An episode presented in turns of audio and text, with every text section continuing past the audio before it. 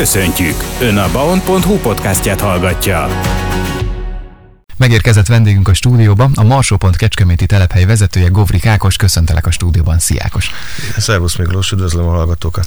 Hát itt a november, és most már azért elgondolkodhatunk azon, hogy lassan a nyári gumikat a téli gumira cseréljük, de mikor váltsunk tényleg téli gumira? Nincs exakt időpont, nem? Persze, hogy nincs igazából ez az időjárással van összefüggésben, de természetesen minden évben mindig ugyanaz. Ősz után jön a tél, és erre készülünk. Kétségtelen, hogy egyre enyhébbek a telek, de azért mindig van mindig van az a nagyon hideg, mínuszos, latyakos időszak, még ha rövid időre is. Évről évre a tapasztalat az, hogy ennek a kezdeti ideje, ha lehet így fogalmazni, az kitolódik. Tehát most is ugye november elejét írunk, és simán szeptemberi, októberi időjárás van még, bár már hűl.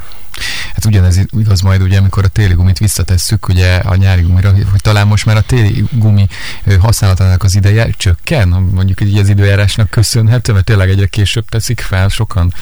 Érdekes, hogy a másik oldalt a tavaszok is, ha belegondolunk, gyakran később kezdődnek. Tehát, mint hogyha egy ilyen időbeli eltolódás lenne, de egyébként, ha most így össze lehetne szorozni a hőmérséklet idő kócienst, akkor igen, ez kevesebb.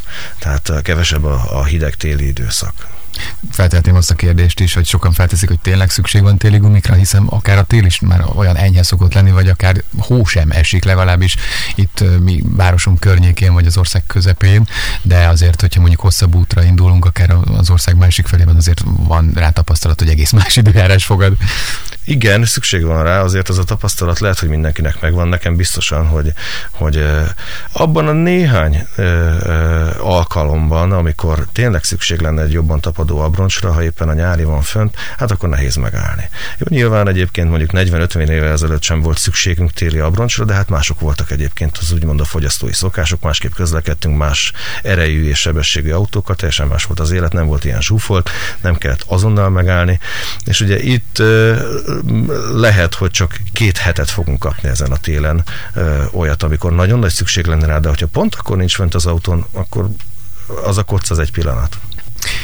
Egyébként kötelező a téli gumi használata. Erről mit mond akár a jogszabály? Mert én azt olvasom, hogy Magyarországon például nincs ez szabályozva? Magyarországon téli-nyári abroncs viselésre nincsen jogszabályi előírás, minimális profilmészségekre van. A környező országainkban viszont már van ilyen, igen.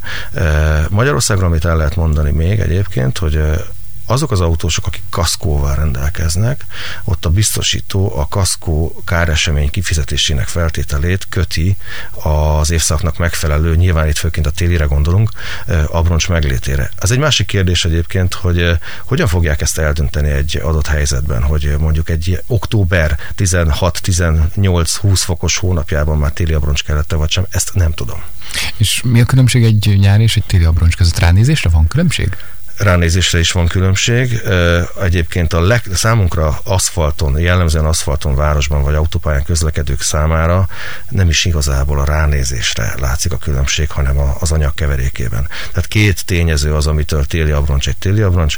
Az egyik az egy durvább mintázat, ami én úgy szoktam mondani, a szabály szerint a kapaszkodásért felelős, tehát jellemzően hegyi, havas, saras, latyakos úton.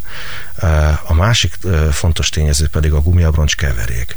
Ugye minden anyag körülöttünk hőmérséklet növekedésére lágyul, hőmérséklet csökkenésre keményszik, így van ez a gumiabroncsal is. Tehát, hogyha téli, hidegebb körülmények között szeretnénk, hogy ez az anyag mégiscsak puha maradjon és tapadjon, akkor eleve puhább anyagból kell keverni. Csak röviden a téli gumiabroncsot hányszor használhatjuk egyébként? Hány ö, szezont bír ki? Vagy ez fajtája válogatja, gondolom én, de úgy általánosságban mit mondhatunk? Sajnos egyre többet.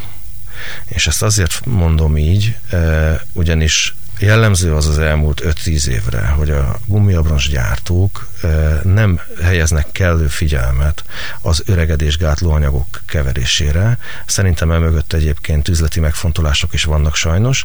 Tehát jellemző az, hogy egy abroncs akár téli, akár nyári 4-5 éves korára megkeményszik. Akár használjuk, akár nem és hogyha egy abroncs elkezd keményedni, akkor elkezd lassabban kopni. Ezért mondtam azt, hogy sajnos egyre többet bírnak ki, de a teljesítő képességük viszont az, az négy év után jelentősen csökken. már a tapadási teljesítésük. Halljuk ugye folyamatosan a négy évszakos gumikat is.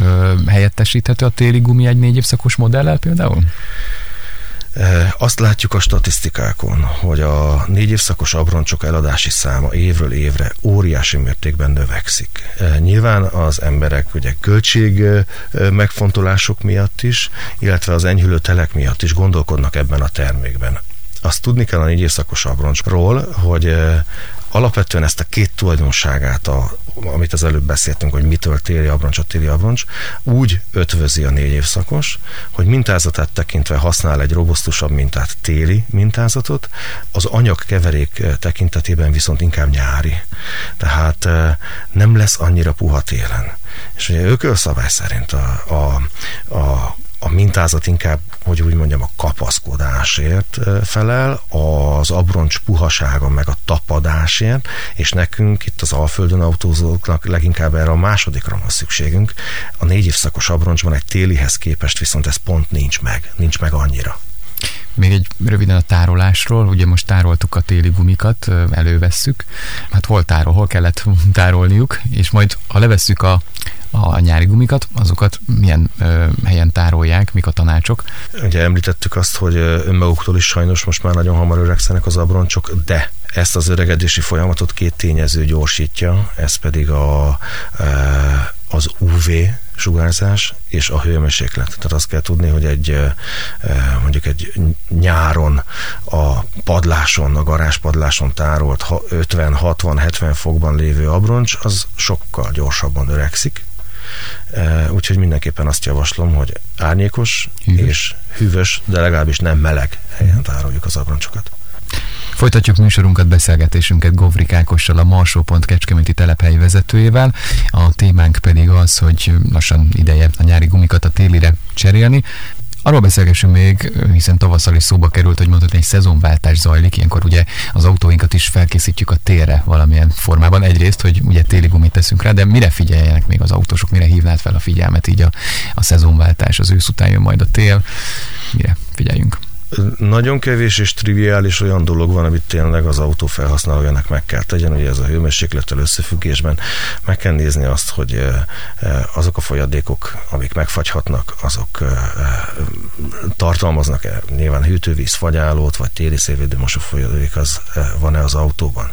És ilyenkor, a, ha, ha nyárival járunk, nem lehet tudni, lehet, hogy holnap után jön egy mínuszos éjszaka, akkor már könnyen belefagyhat. Érdemes ilyenkor kispriccelni a nyárit és föltölteni télivel illetve szerencsére a gumiabroncs szolgáltatási piac is minőségét tekintve évről évre fejlődik. Most már azért minden valamire való műhely megteszi azt az ügyfeleinek, hogy az autó ott járt akkor, amit egyébként a gumiszerelő láthat, találkozik vele, érintkezik vele, azokat a részeit az autónak megvizsgálják és jelzik az ügyfélnek.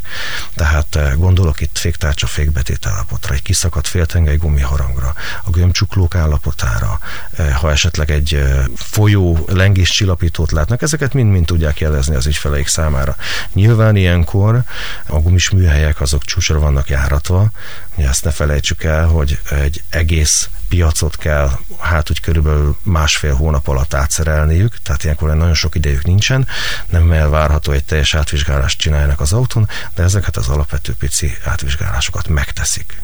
Ákos, nagyon szépen köszönjük a hasznos, informáló tanácsokat, és mindenkinek balesetmentes közlekedést kívánunk, és persze sikeres felkészülést a téli időszakra.